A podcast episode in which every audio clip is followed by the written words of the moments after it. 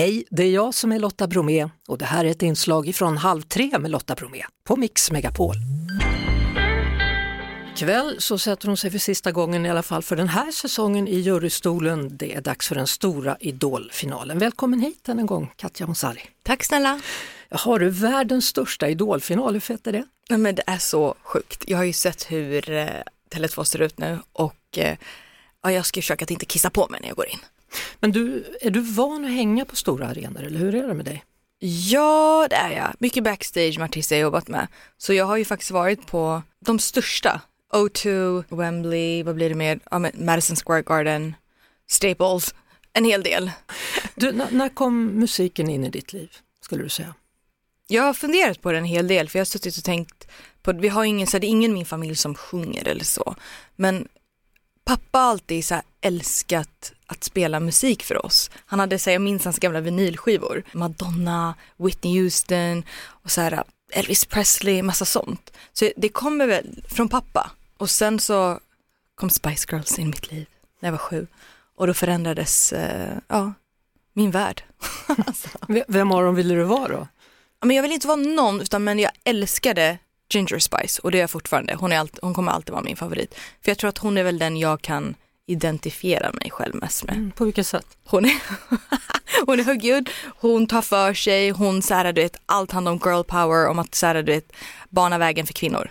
Alltså du utbildade dig till jurist ja. och, och jobbade samtidigt då eller med The Foe eller hur? Nej, alltså jag började plugga, eh, eh började juristlinjen direkt efter gymnasiet.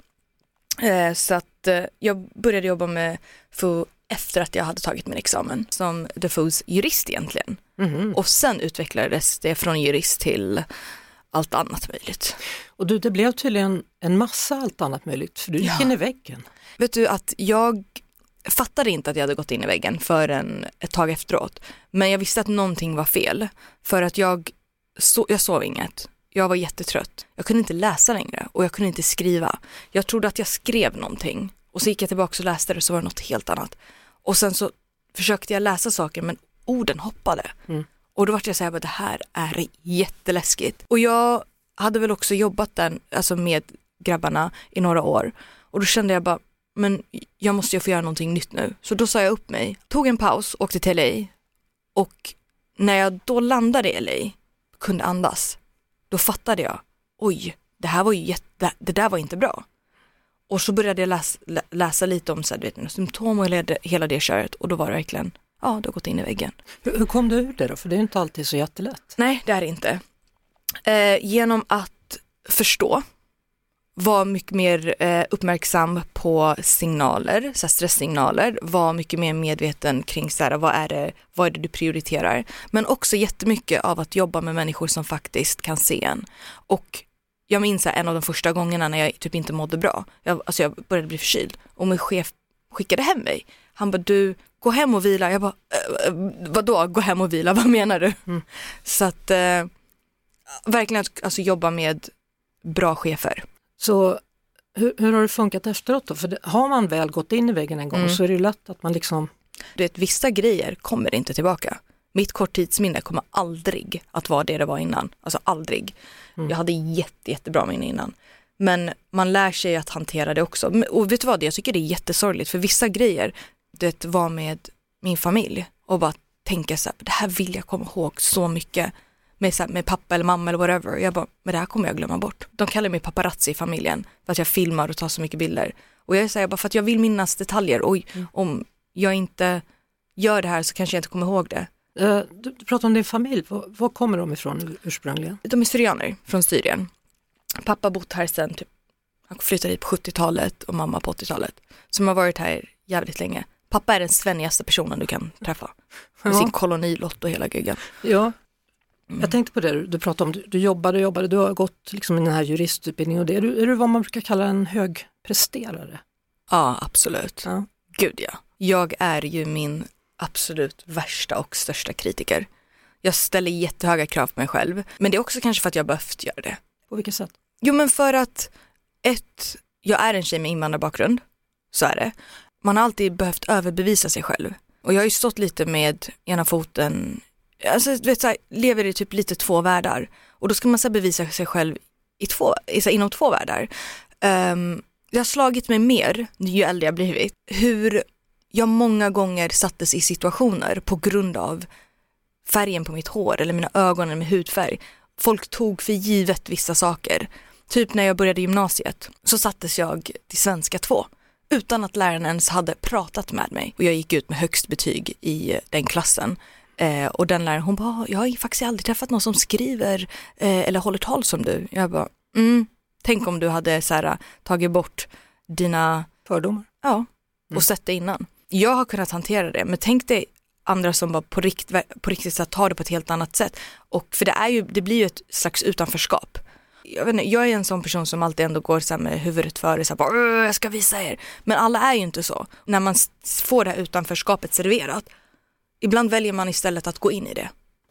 Men, men har du gått in i det någon gång då? För att det var mycket lättare istället för att behöva förklara en massa saker? Nej, alltså jag är verkligen, jag du bara, bara säger, nej. motherfucker come here. Och får man svära på radio? Förlåt. det får man. Jag har träffat många mm. som har föräldrar som har invandrarbakgrund mm. som verkligen vill det bästa för sitt barn och mm. verkligen också sätter ganska hård press på dem att de Gud, ja. ska prestera. Mm. Och det är väl för att de vill att vi ska ha möjligheter som inte de hade. 100 procent. Mamma var verkligen så här, du vet, ni ska bli någonting, ni ska kämpa hårt, ni har fått de här möjligheterna som inte vi hade, så absolut. Och när du då säger att du vill börja med musik istället för att fortsätta juridiken, vad händer då? Eh, jo, jag blev kallad professionell barnvakt av mina föräldrar de första åren jag jobbade med FO. På riktigt? Ja, eh, men ja. mamma släppte faktiskt en gång när vi, jag bjöd henne och mina mostrar och mina småkusiner på ett gig. Så gick jag ut för att hämta dem. Då var jag typ attackerad av små tjejer. Och då började mamma förstå så här, aha, okej, okay, så det kanske är någonting som går bra. Visst var din pappa i studion för första gången med en skylt häromveckan? Var det så? ja. ja. Vad stod det på skylten? Katja. Ja. Men det var, min, det, var, det var faktiskt min syster som hade gjort den och hon var skit. När jag hade lagt upp det hon bara Katja tror du på riktigt att pappa hade gjort det där? Och det var jag. Jag bara, mm, jag vet men låt honom ha lite shine alltså. Mm. Det var jätteroligt. Han kom mm. till finalen också. Jag har hört att du gillar att resa ensam. Mm. Varför då? Mm, för att eh, i alla mina jobb har det alltid varit väldigt mycket att man, du vet, man ger så mycket av sig själv. Och det är viktigt, det är liksom så här, du vet, för att det är det som också eh, connectar med folk. Men jag är också en sån person som behöver få landa i mig själv och få landa i eh, mycket mina känslor. För jag kan vara, jag älskar att vara extrovert och vara social och hela det köret. Men ibland så kan jag, du vet att man, när man har gett så mycket av sig själv att man inte har någonting att ge tillbaka till sig själv. Mm. Och då tycker jag om att resa ensam för att ha de stunderna med mig själv. Jag älskar att åka till ställen där det är mycket natur och bara bli så här förundrad över, det är saker som man inte, som inte är byggda.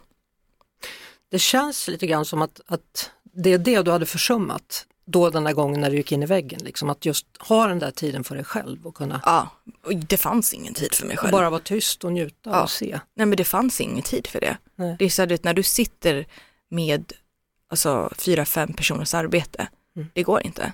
Men, men har du, när, när, du reser så mycket som du gör och träffar så mycket folk, har, har du tid för kärlek?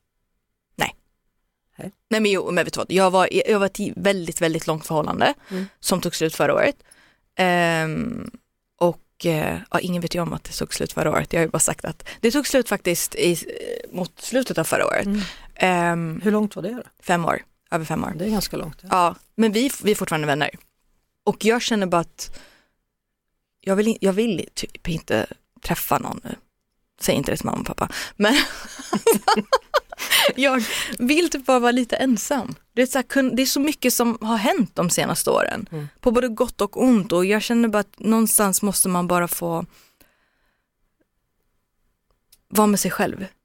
Du, vad, vad, kan vi förvänta oss eh, av finalen ikväll? Väldigt mycket bra musik. Alltså både Albin eh, och eh, Nike sjunger ju väldigt, väldigt bra låtar. Är så taggad på att höra dem tolka de här låtarna. Och vad ska du ha på dig? Mm, det får du se. Det kommer, det kommer faktiskt vara, så här kan jag säga, eftersom det är världens största idolfinal mm. så kanske jag har på mig en klänning som, vad heter det på svenska, reflects it. Alltså som, som visar att det är världens största, är det det du menar? Ja. ja. Så att det är bara du som kommer få plats bakom Nej men jag har hört att Kirsti också, jag har hört att Kirsti också har det, så att det kommer bli skitkul. Så här sitter ni med två stora klänningar och Ja. killarna bara hej då, Ja. Anders hej då. Alex och Bagge. Ja. Ja, det är spännande. Vad kul att du kom hit. Ja, men tack för att jag Katja fick komma. Ja, och lycka till ikväll då. Tack så jättemycket. Det var det. Vi hörs såklart igen på Mix Megapol varje eftermiddag vid halv tre. Ett poddtips från Podplay. I podden Något Kaiko garanterar östgötarna Brutti och jag, Davva, dig en stor dos skratt. Där följer jag pladask för köttätandet igen. Man är lite som en jävla vampyr. Man har fått lite blodsmak och då måste man ha mer. Udda spaningar, fängslande anekdoter och en och annan arg rant. Jag måste ha mitt kaffe på morgonen för annars är jag ingen trevlig människa. Då är du ingen trevlig människa, punkt. Något Kaiko, hör du på Podplay. Därför är gardinerna.